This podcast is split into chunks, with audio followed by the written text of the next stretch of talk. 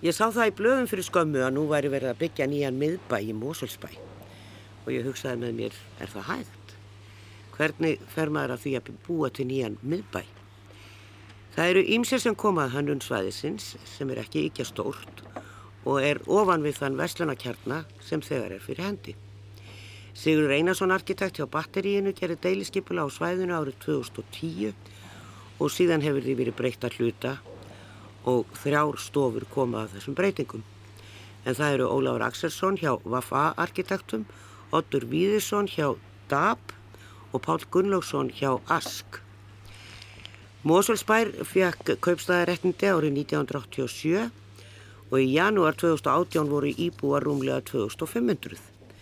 En eins og í öðrum sveitafélugum hér á höfuborgarsvæðinu stækkabærin og það vantar húsnæði. Því verða tölvert margar miðstórar íbúðir í nýja miðbænum. Við ætlum að taka smá röldum svæðið með einum af hönnuðunum og hér í stúdiói sita svo Haraldur Sverrisson bæjastjóri og Bjarki Bjarnarsson fórseti bæjastjórnar og sakfræðingur en hann er einn höfunda um sögu Mosulsbæjar. En við skulum breða okkur á bæ. Við erum búin að vera að þvæla stóndi mikið í miðbæ Reykjavíkur en það er verið að byggja ansi mikið í Reykjavík þessa dagana og ansi víða og færum okkur aðeins út fyrir bæjamörkin því að það er ekkert bara verið að byggja í Reykjavík, það er líka í bæjafélagunum hér í kring. Og við erum komin í Moselsbæin og hér er verið að byggja bara hreinlega það sem að þeir kalla nýjan miðbæ. Og við erum náttúrulega á byggingasvæði hérna eins og heyra má. Þetta er, er svona rísa en það er svona, þetta er ekki komin svona mynd á þetta því leiti að við sjáum útlitt á húsunum, það eru stillar þar ennþá og verkamenn hér og, og ekki allar hæðir held ég komnar á húsin en, en það eru nokkrar eins og kom fram á þann, nokkrar arkitektastofur sem að koma að þessu e, við svona bara í blindni með næstum með einum putta, völdum eina, VAF-A arkitektar. Þeir koma bæði hér að hluta deiliskypulæginu en eins og áður kom fram þá er það 2010 sem þetta fyrsta deiliskypulægi gert og það er búið að breyta því tvígang. Ólafur Axelsson hjá Vafa Arkitektum er einna hannuðum hér og þeir eiga líka þessar arkitektastofur upp á húsonu sem er verið að byggja. Og það er líka svona skemmtilegt að veltaði fyrir sig hvort það sé hægt að byggja nýjan miðbæ. Hvernig verða miðbæir til? Einhvern veginn hefur fólkið búið þetta til finnst manni svona í gegnum söguna. Eh, það flýst eh, saman á einhvern kjarna og svo fyrir þetta að tegja sig út En svo er náttúrulega verða eh, nýjir vestlunarkernar hér og þar en getur það einhvern veginn orðið miðbæ. Álafossakosin er einhvern veginn elsti hlutir hér í Mósfellsbæli en það er kannski ekki staðir sem hægt er að byggja meik, mikið meira við en við ætlum að velta þessu aðeins fyrir okkur. Ólafur, við stöndum hérna og eins og ég segi þetta er bara byggingasvæði. Þetta hús sem að þið eruð að hanna hér sem er við hliðin á framhaldsskólanum hér í, í Mósfellsbæli E, það er svona nánast kannski komið lengst af þessum húsum sem er hér. Já, þetta er það hús sem fóru fyrst í byggingu og það er búið að loka því eins og sér og uh, það er verið að vinna klæningu og, og þannig að þetta er svona, ég held að menn áætti kannski að þetta verið tilbúið svona einhvern tíman síðla, já í haust eitthvað, já, já þá, verður svona hörsanlega uh, þetta flytið hann inn. Ef við skulum bara rölda stað, við þurfum að fara hérna út á göttuna, þessi hús eru kannski öðru í sig heldur við erum vöna að sjá í svona minni bæjarfélögum sem eru vanlega byggð inn á lóðum og bílastæðinni kring. Hér er verið að nota sömu tvekkni og svona menn hallast að í dag þegar við erum að tala um svona borgarbrag að byggja út við göttuna. Já, það er eins og þú komst inn á í, í kynningunni sem er svolítið áhugaverð spurning hvort það er hægt í raunin að byggja nýjan miðbæ frá grunni, það er auðvitað mikil áskorun og, og kannski er þá einfaldasta leiðin að læra á því sem, hefur, sem fyrir er í miðbæjum og, og reyna einhvern veginn að, að sækja sömu svona gæði og þar eru með þeim ráðum sem tiltak eru og það kemur alltaf bara mjög margt til. Ég veit ekki það er kannski áhægt að segja frá því með, með þetta skipulag að skipulagi sem að var í gildi 2010 það gerði ráð fyrir á þessar lóð sem við erum að teikna og það eru þrjú hús sem við erum að gera hérna með 105 íbúðum það deiliskypulag gerði ráð fyrir fimm stakstæðum litlum fjölbýlishúsum, tíu íbúðum í hverju. Og það segir sér kannski sjálft að, að það er kannski nokkur langt frá því að vera svona kannski dæmigett fyrir miðbæjar skipulag. Já. Og síðan kemur upphaf fastegnafélag sem er að byggja hér að þessu, þetta sé ekki 2016 og þá fara menn að skoða aðra leiðir batterið sem var ráðgjáði bæjarins með, með deilisskipula þeir höfðu að huga á því að breyta skipulæginu það er svolítið gaman að segja frá því að, að okkur var falið á Vaffa og batteríinu samtímis að gera svona nýjar tilúra því hvernig skipulag geti verið hérna. Við vorum að vinna samtímis og höfum ekkert samráðað með komasteyli alveg sömu niðurstöðu. Að breyta skipulæginu, byggja stærri hús og fleiri íbúðir og leggja húsin upp að, að götunni upp að Bjarkarholtinu sem er svona eina af aðalgötum Mósesbæjar. Ég verði að taka það fram að ég, þetta er náttúrulega ekki, maður er ekkert alltaf að fara í Mósesbæin ef maður er í erindi og ég á ekki oft erindi í Mósesbæ.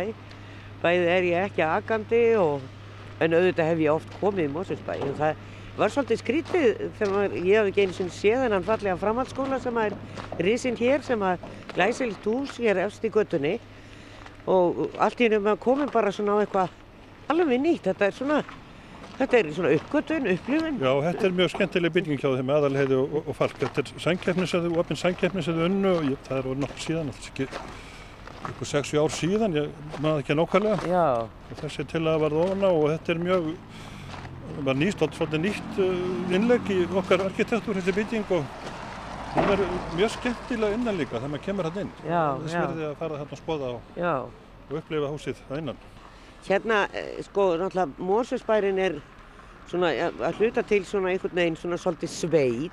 Það eru margir staðir í Mósesbæ sem að er mikill gróður og, og við höfum Reykjalund og, og, og allt þar í kring og hérna inn, í, inn með dalnum, Mósesdalnum og þannig sem að tilherir allt þessum bæ, Kvosinn og annað, það eru mörg uppgróin svæði og meðal annars hérna bara tengt þessum byggingum ykkar. Þeir eru mjög sko, meðvitaður um þetta hér í Mosesbæ og stoltir af þessu. Þeir eru með, með náttúruna hérna bara alveg onni í bænum allstaðar. Bara þú gengur að metra, þá ertu komin upp á fell og, eða, eða svo í Ólafarskosina og það eru mjög balla, sko, fallegar gungulegðir hérna um allt. Þannig að þeir vita vel af þessu. Þetta er svona, já, þetta er einhvern veginn svona borgsveit. En um leið náttúrulega er, er þetta orðið mjög beintentur Reykjavík þannig að hérna þetta er sjálf og sér hlut á höfuborgarsvæðinu en þeir hafa, sem er líka svolítið merkilegt, þeir hafa svona lengi hvernig verið meðvitað um það líka að það þurfa að verða til einhverjum miðbæðakefni. Ráðhúsið sem er hérna fyrir neðan og, og byggingarnar í kringum það, uh, það þetta er orðinlega byggingar frá 1990 eitthvað, 1994, 5 eitthvað sluðis held ég, þannig að það á sér langa sögu hjá þeim. Eins hérna byggingarnar sem hún Guðrun Jónsdóttir og hennar félag teknuði hérna í Þveráltinu sem var sömulegði svona mjög áhafur tilhörn að gera borgarhús. Þannig að, þannig að þetta ásér, þetta er svona, það tventi gangi einu, borgsveit. Þegar maður horfir hérna niður úr þá sjáum við hérna niður í dalinn og, og það, þar, ef að fólk þekkir, þar er Krónan og þar er Bónus og þarna er KFC og svo inn er, sem er líklega tverholti sem þú talar um. Þar man ég að ríkið var í Moselsbæ og Já. Og bókasafnið er náttúrulega hérna, listasalurinn og þetta hlégarður hérna fyrir neðan þannig að Já. það er svona verið að byggja hérna ég, ég var ekki viss um hvar, hvar mósvellingar ætlaði að gera þetta þegar ætlaði að byggja nýja miðbæ. Bók, bókasafnið og, og ráðhúsið er bara hérna í tveggja minna göngu frá þessum stönda núna í Það sem að þetta, þetta nýja hverfi er að rýsa. Þetta eru hérna, við horfum hérna hinn með göttunum líka. Þetta eru um 200 íbúði sem er að rýsa bara þessum bletti hérna. Þannig að það er mikil viðbót inni. Svo er annað líka sem er svona gaman að segja frá að, að þeir hafa eins og fleiri sveitafélag verið að skoða í fullir alvöru þetta með borgarlínuna og það er uh, ekki ólíklegt að hún þess vegna færi þessa götu hér. já. Þannig að þá tengist þetta svæði hérna þessi gata og þessi miðbæðakjarnin sem er rýsa hér mjög með öflugum hætti við, við Reykjavík og Já. Við skulum kíkja aðeins á eh, bygginguna sem að er, eins og ég sagði, þetta er svona fyrsta byggingin sem er, er að klárast. Það eru konu gluggar og þetta er svona maður er farin að sjá svona hvernig þetta kemur til með að líti út þó að enn séu stilansar á húsinu. En eh, svona hugsunin á bakvið þetta sem ég sé, svolítið við höfum verið að byggja, ég er nú að, er nú að svona talsmaður fyrir því að við höfum ekki að byggja hátt út á skuggamyndun og allt það. En hér er náttúrulega doldið pláss allstaðar og e, þetta eru hvað? Fjórar, fimm? Fjórar hæðir, sko, Fjórar hæðir. Og með indreginu fymtu hæð sem, Já, svona, já. sem að er bara hluta til í rauninni. Sko. Já, en þetta er svona stallótt, eða Já, við getum þetta sagt er það. það sem að hérna var lagt upp í skipleginu var það að, að til þess að fá svona þessa lóðréttu kannski byggð sem að einkennir miðborgarsvæði. Það sem er kannski ekki mikið um svona langar láréttabyggingar. Þá er farið þessi leið að, að brjóta húsin tölvöld mikið upp. Ég held að minnir það að vera eitthvað 7-8 metrar sem átti að vera samvöld lengd á, á, á húsluta. Já, Þannig að þetta er svona, þetta er mikið brotið upp og það er, hérna við erum að nota ólíka klæðningar í þetta líka. Þannig að það er svona margt gert þess að fá fjölbrytilegt og svona lifandi, lifandi útlit. lifandi útlita húsið. Og það er smá sama síðan gluggagerðir, það taka svolítið mið af því kannski hvernig, þetta eru svona lóðréttir gluggar kannski svona meira eins og maður sér í borgum. Hvar, að- hvar fyrir við inn, fyrir já, það eru þrýr ingangar. Það er ingangur sem horfir hérna þar sem húsið beigir inn og uh, það er ágætt að segja frá því líka því að hlustendur sjá það ekki að, að stóru byggingarna tvær það mynda öll þannig að það mynda mjög gott skjól til suðurs og við sjáum, sjáum fyrir okkur að það verði svona hita pottur hérna fyrir innan. Það getur verið alltaf kvast hérna og þannig að, að við erum meðvitað líka að mynda skjól með þessum húsum. Já, já, og við kannski kíkjum hérna inn og eftir og Já, það væri gaman, það er nefnilega inngarður sem að verður þó opinn, já, opinn öllum. Já, eitt af því sem að líka er nú gaman að segja frá við vorum að, bara, við vorum að skoða er að, að þessar fimm hæðir þá eru önnu, þriðja og fjórða hæðin eru svolítið svona dregnar saman í útlitunum. Jarðhæðin svona, hefur sitt, svona sitt, sinn karakter og, og hérna fymta hæðin með svona, hún er, hún er indregin og með annari klæðningu þannig að þetta er kannski svolítið verið að leitast við það sem er mjög víða í, í gamla bænum, í, Reykjavík, þessi miðbænum þar. Já. Það, það sem að hérna, það er svona, svona vestlunarhæðir og jarðhæð og, og síðan kannski íbúðarhæðir ofan á. Og þetta svona brýtur upp svolítið skalan í leiðinni.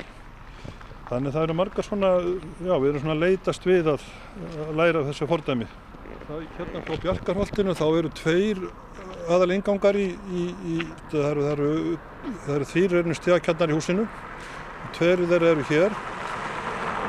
Og þá lögðum við upp með það að með, það veri svona við sæjum í gegnum uh, ingangana yfir, yfir í gardin.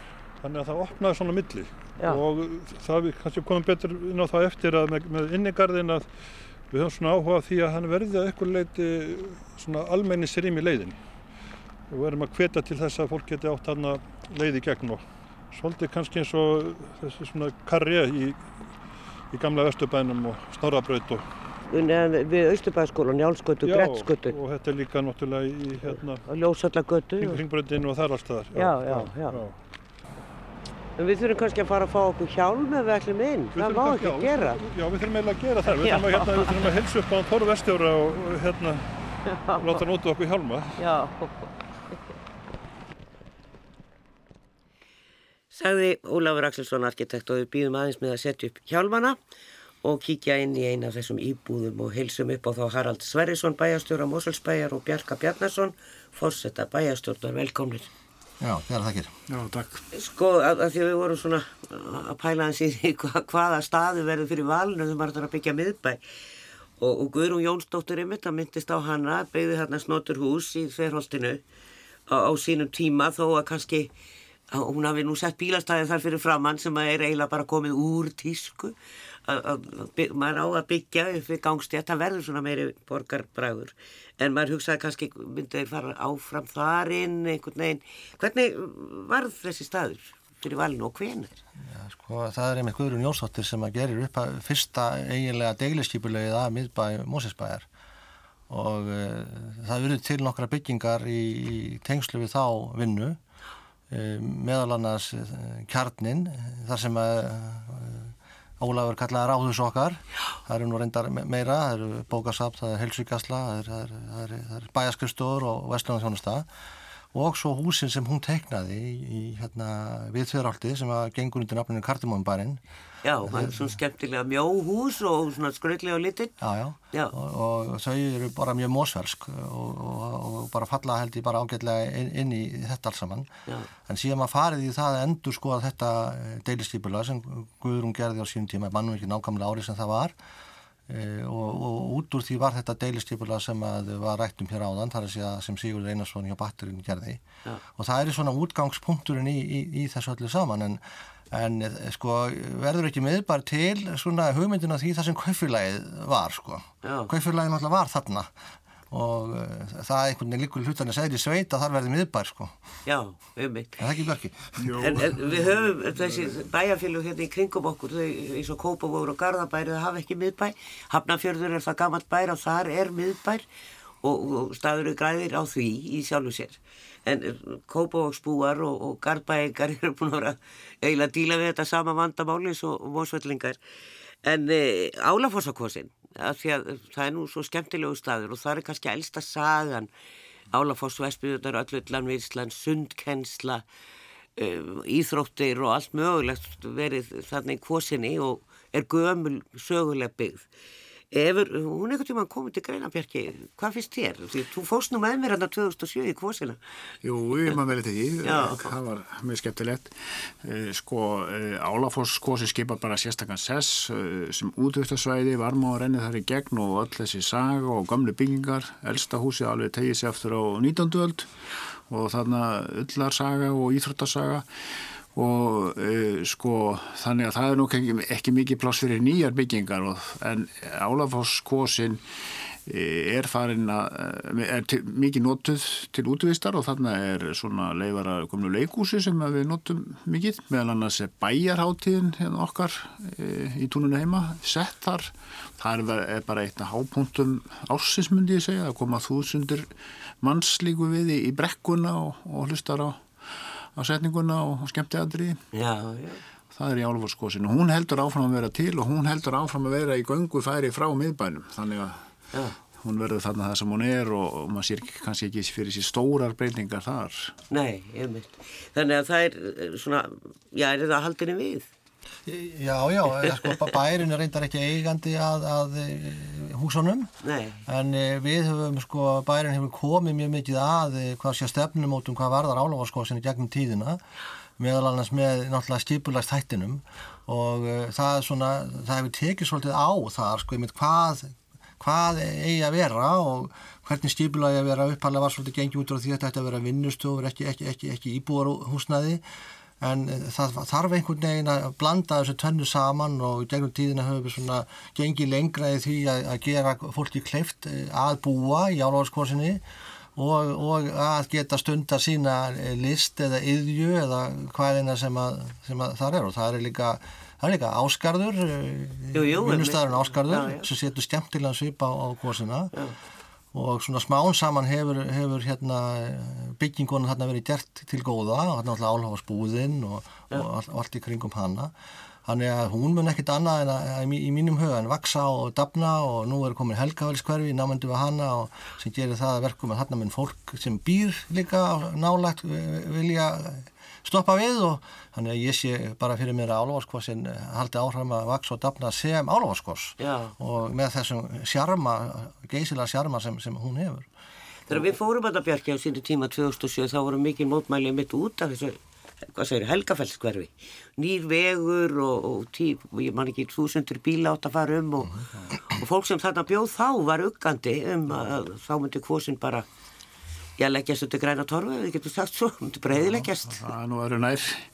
Ég held að sé nú, það er bæðið þarna búið þarna og síðan er stundar fólk sína inn og, og ég held að við getum sagt að svona vinsalasta gunguleið í Mósesbæ er einmitt þarna í gegnum kvosina upp með varmáni og þarna er Álafossin sjálfur sem, að, sem að frílistur sem náttúruvætti. Já, Þannig að álafossabúðin er það ennþá. Já, já, já, Já, lifi góðu lífi. Með villáður og, Já, já, já. svona leifarnar af þessu, þessu stóra fyrirtæki já, sem það var lengi til Þetta er svona ferðamannastafur. Já, En það er náttúrulega líka það sem er málmálan í dag, það er að byggja í, í miðbæ og, þjætta og, og hafa íbúður og þjónustur íma á neðstu hefðum. Það var ekki í þessu húsi sem við Óláfi vorum að skoða, það voru íbúður allt, allt saman. E, þjónustur ími er gert ráð fyrir mörgum slíkum þarna í þessari uh, bjargarhaldinu. Já, það er það, en, en sko ég held að þú hefði alltaf hitt naglan á höfuðið þegar þú varst að kynna einn þáttin á þann að sko miðbær er þar sem fólki býr til miðbæin og uh, hugmyndafræðinni þessu uh, hjá bæjaröfildum og þeim hönduðum sem aðeins var komið er það að það þurfi fólk til þess að þjónust að geti dafnað og þess vegna er þarna tölvar þett byggð sem gerir fyrir þá þjónusturímum í, í ákveðnum húsum. Og í sjálfsveil getur það með tíð og tíma breyst sko. Þegar eftirspurnin verður meiri þá geta, geta fleiri neðri hæður orðið á þjónusturímum ef, þess, ef, ef það er, það er áhuga ja, að þróast þannig. En sko í þessu öðru þessara húsa sem, sem er verið að byggjast upp núna við Bjarkarholti er einmitt þjónusturími á, á allir neðri hæðin eitthvað tæpilega 2000 fermetrar og það er reyndar uh, mun uh, bónisvesluninn flytja og, og svo er fleiri rými þar. Og svo líka er að byggjast á móti í, í hérna, hinnum einu við göttuna þar, þar verða 65 íbúðir fyrir 50 ára eldri. En þar er líka gert ráð fyrir þjónustrýmum á næstu hæð. Þannig að það er verið að, að blanda þessu saman og, og raun og verið íbúarnir geta gert búið til grundvöld að, að því að það sé hægt að bjóð upp og reka þjónustu. Og, og þannig að við sjáum hérna fyrir okkur svona lifandi stað þar sem að eh, er líka bóðið upp á veitingar, þjónustu og vestlun eins og svona bæjarfélag getur staðið undir. Auðvitað verður þannig alltaf laugavegur eða kringlan eða neitt líkt en En, en svona, svona svo þjónusta sem getur lifað að dafnað í svona, svona umhverfi. Það sem að er náttúrulega til þess að reka þessi þjónusturými og eins og kannski þessi kjarni er í dag að þá er ekki dvoðalega margar íbúðir í kring en, en þarna verða fjöldi íbúða sem er í göngufæri og fer þá ekki á bílnum sínum. Geti ímynda mér að þú ætlar að fara nýri bónus eða eða hvað sem er, það geta verið hárkuslustofur það geta verið veitingastæði, hvað sem er. Þannig að það er svona styðja við það þarna sé að vera með eitthvað dragstur Já, já, já, nákvæmlega sko.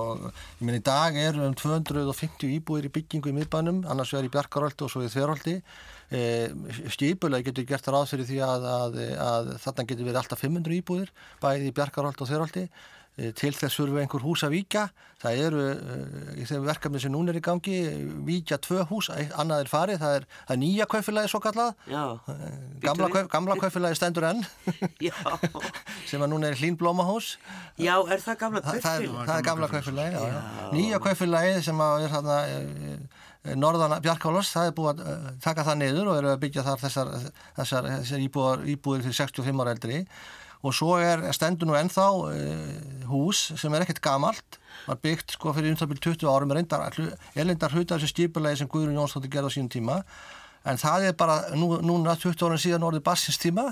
Já. og það munir víkja og fyrir þessum nýju húsum sem er að koma núna að byggjast sunna með í Bjarkarálsins Nefnilega það, við komum að því öttir já fyrir Og gamla kaufélagshúsum munir enni víkja sko Að hvað séru? Það munir enni víkja Já, kaufélagshúsið, já Við ætlum mynda að koma því á eftir mm. En við skulum gera smá hlið hér og, og fara áfram með Ólafi Axelsinni og kíkja inn í eina af þessum íbúðum meðal annars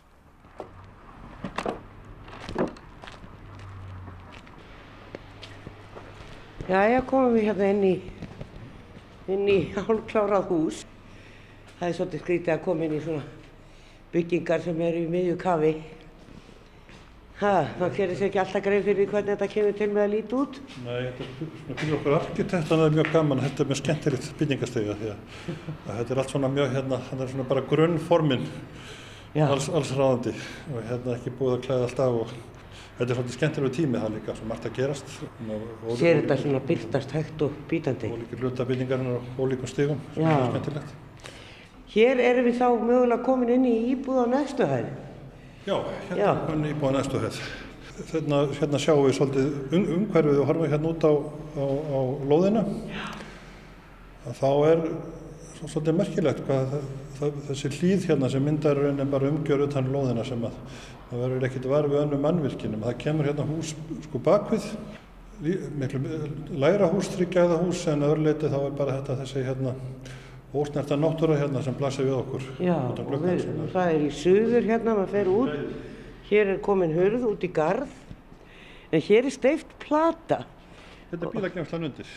Já, þannig að það er, og garðurinn fer hérna ofan á þessa Garðurinn er plötu. bara ánað þess að steiftu plötu. Já, og, já, og, já. og hérna það er svona, við lögðum svolítið mikið upp úr því með hönnun þessa garðs að hann er því svolítið svona, hvað segir maður, með slettið svona urban tilfinningi í honum og við erum ekki að leggja upp með endilega að vera með eitthvað uh, sérstak, sérstak leiksvæði með tækjum eða slíkt, þetta er bara meira að verða til svona meira eins og borgar, þetta er svona meira eins og það sem heitir á ennskunni, ég veit ekki hvað, hvort það er til íslenskt íslenskt þýðinga á því shared space. Það er blanda bílastæðum sem eru þá bara fá í einu og síðan eru malbyggasvæði sem eru allir til útiveru og er að gera allt mögulegt. Það eru hellilvarsvæði, það eru svona manngerðir grashólar sem er auðvelt að ímynda sér að, já maður hefði haft gaman að leika sér á sjálfur sínum yngri. Og það er svona meira kannski verið svo hvað til þess að íbúðinni hefur þá svona getið sjálfur svona látið hluti gerast. Og það er kannski eins og þér, það það það það er mikið lagt upp úr aðgengi úr þessum gardi inn í þetta liggja leiðir bynt inn í stegagangana og sem eru síðan hjóla og vagnagemslur þannig að það eru auðvelt að komast í báðar áttir út á göduna og inn í gardin þannig að allt svona flæði ætti að verða mjög mjög gott já, ég er svolítið áttavilt hérna álagur. Því að, uh, sko, hérna fyrir ofan, Já. það er umferðagatan, aðal Já, umferðaræðin. hún er eiginlega bak við, ef þú- ef þú Er þetta- mön sem er sett upp Nei, þarna? þetta er nefnilega náttúruleg sko hæð sem var hérna mestu leiti Já, já. en, en ykkur held ég hafa nú verið bætt við, ég er ekki, kann þá sögu ekki alveg Nei, nei, nákvæmlega nei. sko og síðan kemur náttúrulega fellið hérna fyrir ofan sem að tekur síðan við, þannig að þetta Já. er, þetta er doldið sérstatt umhverfi. Það heyrir ekkert í umferðinni er Nei, hún, þetta, hún skerma, hún nær að skerma umferðin, þetta skermar umferðinu alveg af nema hvort að uppstæðar efstu heiðin okkur beinum til stöðum þarf að gera eitthvað rástafanir sko. Það er, já. ég held samt að þetta dekki eiginlega alveg, það var eiginlega bara til staðar, þessi, Já. þessi, þessi, þessi mön, það þurfti ekki að, að reysa veggi eða, eða múra. En uh, þetta eru bæði stórar og litlar íbúðir. Þetta er til dæmis ein íbúð hér, ef við erum hérna einhver stær inn í einhverju rými sem er íbúð. Já, þessi er svona stærri kantinu. Þessi er stærri kantinum. Já, þannig er ykkur hundra sko, hundra fermetrar. já, Það er, við stöndum hérna í stofinni og, og, og, og borstofa eldhús hér Já, sem er með þetta aðgengi síðan hann úti út á verundina. Og svo gætu verið hér einn þrjú herbyggi. Hérna eru barnaherbyggi, hjónaherbyggi og baðherbyggi hérna Já, í miðunni.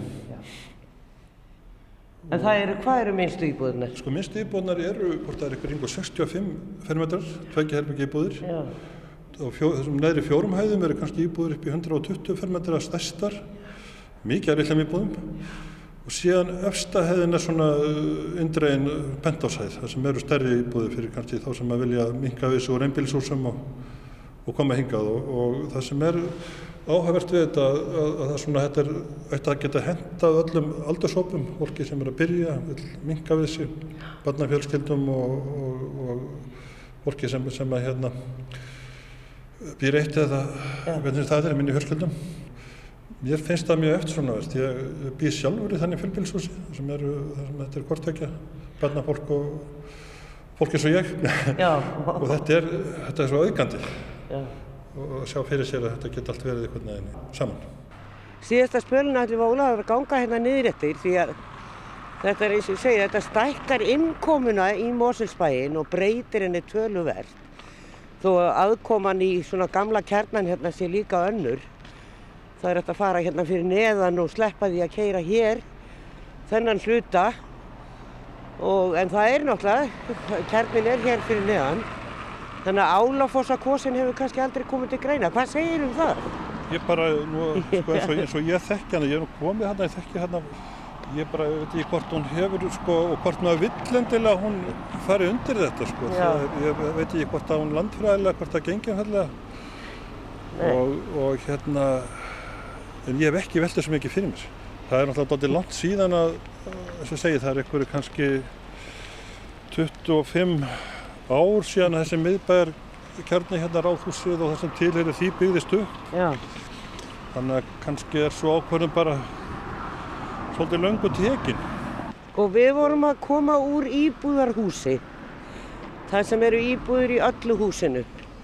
líka á neðstu hæð. Já, það er, það er En svo er eitthvað af þessu rekna með þjónusturými á neðstu hæð. Já, það er reynda sko, þetta hefur komið til tals að það stærsta húsi sem er á okkar lóð sem á eftir að byggja, þar hefur þetta verið umræðin að gera þetta og við vonum sannlega að það verði því þetta svona myndi, þetta, þetta myndi svona auka einhvern veginn þessa tilfinningu fyrir borgarumhverfi. Já. Ég veit að verður hérna, þessu næsta húsi hérna þar sem að bónusveslun kemur og jörðhæðina og síðan náttúrulega er þessi kjarni hérna bara rétt fyrir neðan með, með krónuna og, og það þannig að þetta er svo sem kosturinn veitir sá að þetta er allt í göngufæri. Síðan ég að játa, ég þekki ekki alveg hvað er hérna er að byggja, hvað menn er að byggja hérna hínum með, það er gert ráð fyrir verslun á þjónustu og jarðhæðin mér sýnist sko eins og það séu eitthvað, eitthvað hérna þannig Já. húslega sem við erum að horfa hérna hljóta að Þetta vera- gæti verið eitthvað verslunarími. Já, það væri bara gaman að koma að staði Já. Ég hef ekki séð teikningar á þessu þannig að ég þekki það ekki alveg. Nei. Þetta er náttúrulega komið svona skemst á veg hérna hinum einn en e, e, það er bara rétt búið að steipa hérna upp eina hæð og nema þetta eina hús sem er með svona skringilega stórum gluggum þannig að jafnvel þegar eitthvað fyrirtæki sem ætlar að koma sér fyrir þarna. Já, mér finnst það mjög líklegt bara út frá hérna íbúð. Þetta er allavega ekki íbúðar húsnæði, sko. Mér sér það. Það lítur ekki þannig. Nei, hérna hínum við göttan sem hérna kemur þessi bónusverslun sem að Já, hérna, já, já. sem að hérna mun þá þjóna. En síðan í húsnum sem kemur hérna, sem var að segja frá fyrir ofan, þá hafa menn verið að velta sér fyrir sér líka. Þar kemur líka vellinur og jarðæði. Þetta hús sem er hérna á milli, Það er alltaf umræði stíðan þá. þetta sem er er byggt fyrir einhverju síðan, sem er, Já. Er hérna eiginlega á milli húsana, er þetta, mun þetta standa áfram? Nei, þetta hús nefnilega fer. Já, já, já. og hérna var, var hérna hlut, hlut, af, hlut af þessu deilisskipulagi að þetta hús myndi vika. Þannig er það tilturlega nýtt. Þessu deilisskipulagi sem við unnum 2017 sem það er tekur gildi, þá er gert ráð fyrir þetta hús viki. Það er Og ég held, ég man ekki til þess að hafi verið búin að ná sko, samningum um það fyrir. Ég held ekki. Já, nú erum við komin út úr þessum nýja miðbæ í rauninni. Þetta er bara svona hluti af, af, af einnkeistlunni hérna inn í Mósarsbæ Já, já. og, og hér fyrir neðan er allt bara, Hérna Í fullum gangi? Já, hérna horfum við bara, við horfum hérna til norðvesturs, þá sjáum við bara hérna östu frá okkur ráðhúsið og já, það er þetta gráa. Já, með, með törninum. Já, já. Og, og það er heilsugjastla og það er bókasafn og þjónusta, verslanir og jarðar líka. Og hérna þannig að þetta er svona, þetta er allt og tiltöla mjög litlu svæði sem þetta er að gerast hérna. Allt er, þetta er allt ykkur fyrir tekja þryggja myndina gangurhjallir. Já, og það er með hverju við Ólaf Axelsson, arkitekt hjá Vafa Arkitektum. En þeir sita hér enn hjá mér, Haraldur Sverrisson bæjastjóri Mosels bæjar og Bjarki Bjarnarsson fórseti bæjastjórnar og maður er svona að velta því svolítið fyrir sér uh, hérna, uh, þessi náttúrulega mön sem er hann að svona kemur sér vel og, og kannski hluta þeirri ákvörðun að byggja þarna í þessari, þessari brekku. Ég, ég var eiginlega alveg steinhissa að heyra ekkert í Vesturlandsveginu þegar ég fór þarna út í þennan vantanlega garð. Nei, nei, nei ég, það er náttúrulega mönn hann, já, það er rétt sko, þetta er eiginlega bara hluti að lágafellinu, rætunar að lágafellinu, Vesturlandsvegur var settur hann bakvið uh, á sínum tíma og hérna og eftir var þessi, þessi ágæta náttúrulega mönn sem að stíli hljóðinu mjög vel fyrir þessar nýju byggingar já, svo var hún reyndra aðeins framlengt þessi náttúrulega mönn með man, manngerðu, man, mannahöndum fyrir framhalskólan já, Þannig að eh, hann er afskaplega einmitt eh, svona lít, verður lítið fyrir trublun uh, miðbærin uh, eins og þetta er í dag. alveg nákvæmlega ekki bara. Ég eins og ég segi, ég var áttavilti fór að núta því að ég bjóst að heyra í umferðan niðin þarna. Eh, einmitt ef ég maður bæta við, við það sko, eh, það er auðvitað mi- mikil umfæra vestarðarsvegin eins og við þekkjum en þetta er eh, svona náttúrulega stóru hluta. En bara takk undir það sem að Ólafur sagði hérna áðan sko, það er þetta kosturinn það að vera í Mósvells bæ og, og, og byggja miðbæð þar, það er það að það er svo stutt í allar áttir. Það er lágafelli, það er fimm mínútur þangað og það er stutt niður í fjöru og niður í Álafoskos, Hlegarður, Íþróttasvæðið, allt saman sko sem við skilgrinum með venjuleg ekki í miðbæ íþróttaföll eða, eða, eða fjall eða eitthvað svoleiðis en þetta er mjög, alveg seininga fjallað við Já. þannig miðbæð sem við erum að tala um Já, ég var um þetta bæli þessu sko, hvort það væri pólitísk ákvörðun að venda umhverfu og náttúru í bænum. Já, hluta til er það það, það Já. kom alltaf svona spurningar um hvað á að venda og svona Já. já, já, það er það Eh, Sko, öll skipularsvinna í, í Mosilsbæðu gengið út af það að, að, að byggja upp í eins mikillir sátt við, við umhverfið á náttúruna eins og, eins og lífsins mögulega hægt sko. og ég held að okkur hafi nú uh, tekist það bara uh, nokkuð vel. Uh, það, það er öll hverfin í, í bænum eru, hvort sem er í miðbænum það eru í seilingafjalla eins og Bjarki nefndi bara við fellin okkar, við gönguluðirnar. Já, og, og þannig að, að hugmyndafræðin með Mósesbæ er einmitt þetta að þetta sé e, sveit í borg og er stutt í, í, í sollin eins og kallaði það sko en, en, en, líka ennþá stittra í, í náttúrun og allt sem að því fylgir sko. já. Nú, við vorum að tala svolítið um, um verslunarími og þjónusturými og, og eitt húsið þarna norðamegin við sem að er doldið hátt með svona lítur út fyrir að vera stóri glukkar. Eru fyrirtækja að sækjast eftir því að koma í Mósusbæði? Já, ég svara því sko, já, já, það, það, það er af allar atvinnulóðir í Moselsbæ selst sko, eh, sem að Moselsbær hefur. Eh, Þarna er, eh, það er einmitt gett ráð fyrir verslunum þjónustu í þessu rými. Ég held að minni það rétt að þetta sé eitthvað starf í kringum 300 fermetrar. Þetta getur verið veitingastæður, þetta getur verið verslun, þetta getur og verið hvað sem er. Ég veit ekki til þess að ég búið ákveða það hvað, hvað það kemur. En Það, það er sem sagt eigandi húsins sem gerir það en En e, við gerðum e, kröfum það, bæri völd og stýrbarlega sér völd að það yrði einmitt að líka gert ráð fyrir veslunarími og veslunasturími í þessu húsi með þessum hætti. Líka tala mikið, Bjarki, um blandaðabygð að það séu bæði leiguíbúðir og eignaríbúðir, stóraríbúðir og litlaríbúðir. Já, svo maður segja ódýraríbúðir. Þeir, hvað, hvað eru við að tala um þarna? Já, ég veit ekki nákvæmlega í krónum og örum sko en, en, en það er hérna e, íbúðir sem eru e, í lægri verðflokkna skulum við segja vegna stærðar Já, og hluta þessu nú ætla eldri borgurum eldri fólk, eldra fólki já. Einhverja leiguíbúðir í þessum hérna? Það er leigu íbúðir sko í miðbann, við, við erum að byggja upp 30 leigu íbúðir núna með þverholt á gatnamótin þverholt og skeiðul sem er hluti af, eh, af hérna, miðbannum, Já, við keirum það fram hjá þeim. akkurat, framaldi á kardimumbænum. Já, um eitt. og þar er einmitt kvöð um það að það er 30 íbúður verði leigu íbúður þannig að við erum svo sem að bla, blanda saman venjulugum íbúðum eins og fyrir alla í sjálfum sér, alls konar stærðum Já. við erum að eh, setja kvöða skilur um það að hlutaðin sé fyrir 50 ára eldri og það er líka mjög góðum tengslu við okkar þjónustumildu fyrir aldraða og þjónustýpu fyrir aldraða á hlaðmurum og svo erum við með leigu íbúður þarna annar staðar við bannum þannig að það, það eiga að vera allar gerðir af íbúðum og fyrir, fyrir hvort sem er, á hvað aldri sem mann er og hvort sem við vilja leiði að kaupa.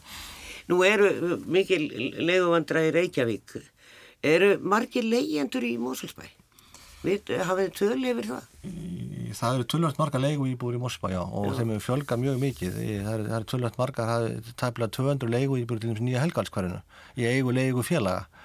E, búsetið er með tvær, tvær, tvö fjölbýlishús í, í, í Mosesbæ, í Þverhaldinu og í Krikakarfi og þannig að, að við fórum reyndar á stað með þetta leigu íbúðaverkefni í, í miðbænum á sínum tíma til þess að reyna að örfa þann markað. Eh, ég veit ekki hvort að það var ástæðan en eftir það fjölgaði leigu íbúðum til allra muna í Mosesbæ þannig að það, það er, það er heilmikið gæst í því. Já, framhaldsskólinn, þetta fallega hús sem að stendur hérna, ég sá í fyrsta sinn því ég kom þarna og gaman að því, virkilega flott hús e, og flott bygging. E, hvar er grunnskólinn? Það má búast við að verði barnafólk hérna. Já, já, já, næsti grunnskólinn er nú varmáskólinn hann, en hann er mjög miðsvæðis, íþjóttasvæðis og mjög stutt upp í, í krigaskóla og, og, og síðan lágafellskóla, það er þessi þrýr grunnskólar. Já, Stæstur er, er, er varmáskóli. þannig að það er göngufæri úr þessu hverfi í, í grunnskólan. Já, það Já, er alveg. já, já, veit. Þannig að það er hugsað fyrir öllu. Og, og félagslegri blöndun, leigu íbúðir, egnar íbúðir og, og allt það. Og svo vitum við náttúrulega ekkert hvað þetta kemur til maður að kosta frekar en e, frekar en við vitum það hér í Reykjavík. Og fólki finnst þetta yfirleitt verða mjög dýrt en það er náttúrulega svakalega dýrt að byggja á Íslandi í dag. Já, já, það, það er svo sem ekkert endilega markmið þarna sé uh, ódýristu íbúðunar það, það er sko, það, þurfa húsa víkja til þess að, að byggja hann upp. Og það er náttúrulega það, það kostar eitthvað. Það er svolítið sóun. Já, já, uh, sumum finnst það, er, er, er, er markmið sett herra en það og það er líka gerða til að vera kröfur á útlitt og frágang húsa eins og Ólafur kom inn á uppbrott og, og, og, og slíkt, indregnar hæðir uh, til þess að, að, að, að þetta sé, uh, þau sómið sér vel í miðbæ. Já. Þannig að ég veist að þetta sé ekki ódýrastu íbúðar á landinu en heldur ekki það dýrastu. Nei, þarna var sagt, eins og myndist á áðan þá að rýfa eitt hús þarna sem að þeir nýta núna, þeir sem eru þarna byggja sem kaffihús og arkitektar og annan skurstof fyrir byggingastjóra og svo leiðis. Á gamla kaffihúsi þá? Nei, nei, nei, er, þetta er hínum göttuna. Já, já, já. já. Þetta er bara láreist hús já. sem að virðist ekki vera neitt og að gamalt. Kaffihússtjóra húsi líka. Já, já. Nei, húsi sem er hér. Já, já. Stundum Mósrafhúsi. Já, það, já, auðvitað það, já. En gengt því, þetta er gamla kaffihúsi, þetta mm. timburhús sem maður man alveg eftir bara frá fyrstu tíðum að komi gegnum ós og, og, og það er blómabúð í dag og þetta er náttúrulega orðin svolítið hjallur, þetta verður ekki verið haft mikið viðhald greinilega og, mm. en, og svo er stór lóð þar við hliðina sem að ekkert er byrjað að byggja neitt á. Mm. Hvað, hvað eru plönin með, með þetta? Stýpulagi gerir áþurði því að einmitt þetta hús viki, e, e, það sem blómabúðin er, hlým blómahús og á þessari lóð er, gerir stípulega ráð fyrir kirkju, menningarhús og bókasafni. Það var farið í samkjafni fyrir rúmum tíu árum síðan eh, um, um, um hönnun á slíku, slíku konsepti, nýstarlu hugmynd að blanda saman kirkju og menningarhúsi, kirkjan átt að vera tónlistasalur, svona stór, svo var annar, annar svona venjulegu tónlistasalur og listasalur og svo, og svo bókasafn.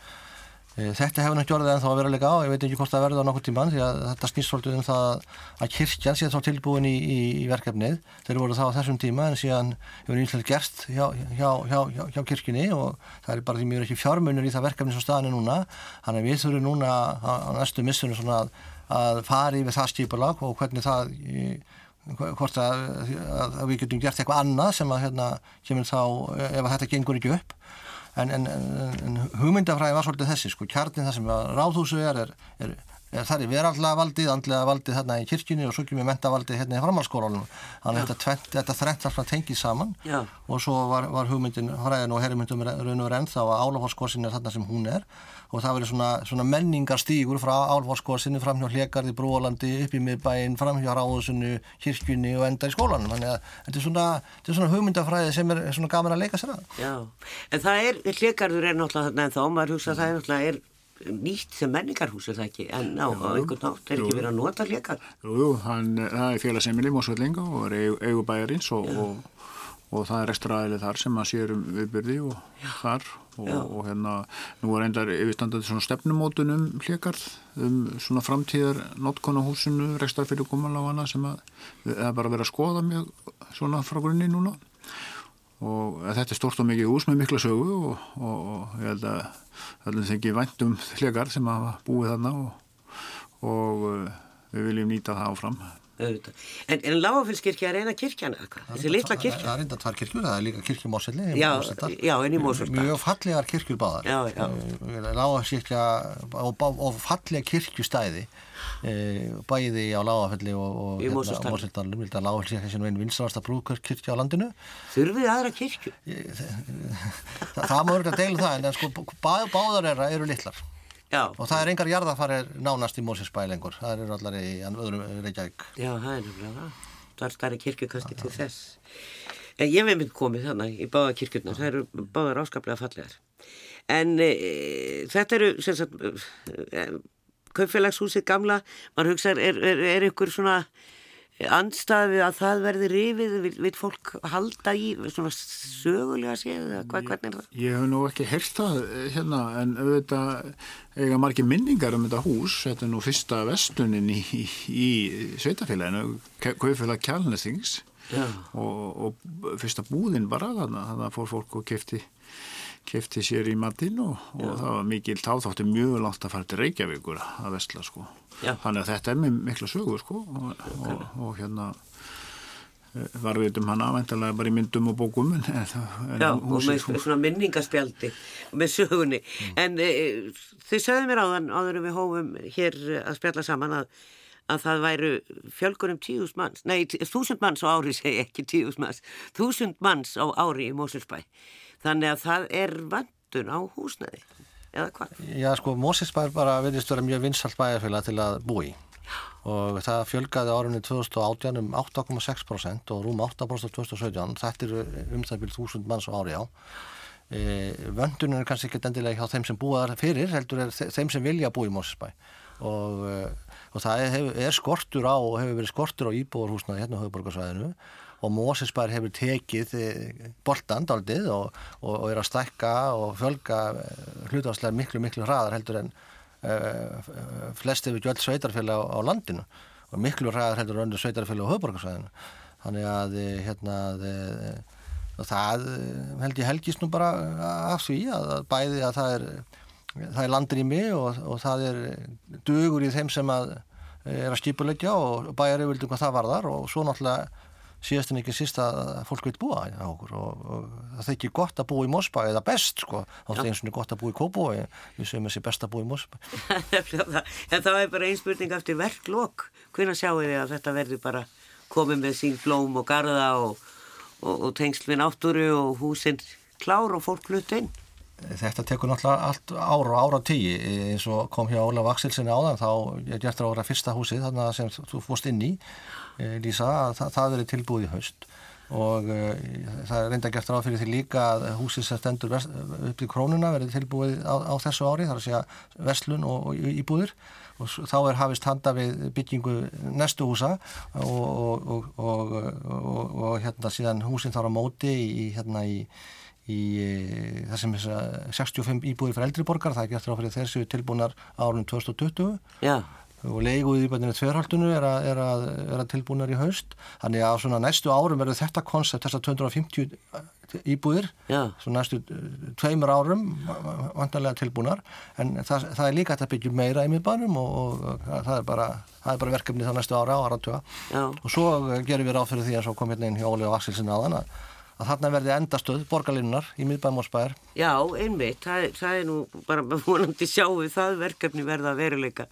Eh, kannski svona eh, aðeins Bjarki, óska verkefni fyrir mannin sem að er ekki sakfræðingur en, en hefur skrifað mikið um sakfræði, eh, svona menningarlega séð, eitthvað sem að þér finnst þurfa að gera í Mósesbænum, fórsetu bæðastörnur.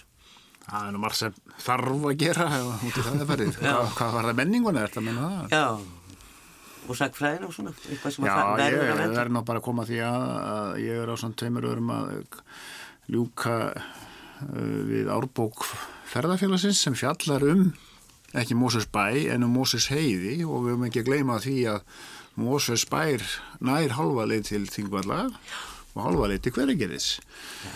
Þannig að, já, svona, svona uh, nokk, nokkurn veginn. Já, þannig að þið eigi nóga landi. Við nú á landi en við viljum nú ekki byggja marga miðbæi þannig að það er, það er þannig að ósnert náttúra og svoleiðis þannig að en það, það er, Mósesbæri er svona viðfæmt sveitafélag ef við lítum á, á þannig sko. Já, akkurat. Skemmtilegt og verið gaman að fylgjast með þessu. Haraldur Sværiðsson, bæjastjóri Mósulsbæjar og Bjarki Bjarnason, sagfræðingur og fórseti bæjastjórnar í liðum með að kalla þið sag, sagfræðing. Takk okkur kærlega fyrir. Já, takk hjálpa sem leis Já, takk fyrir.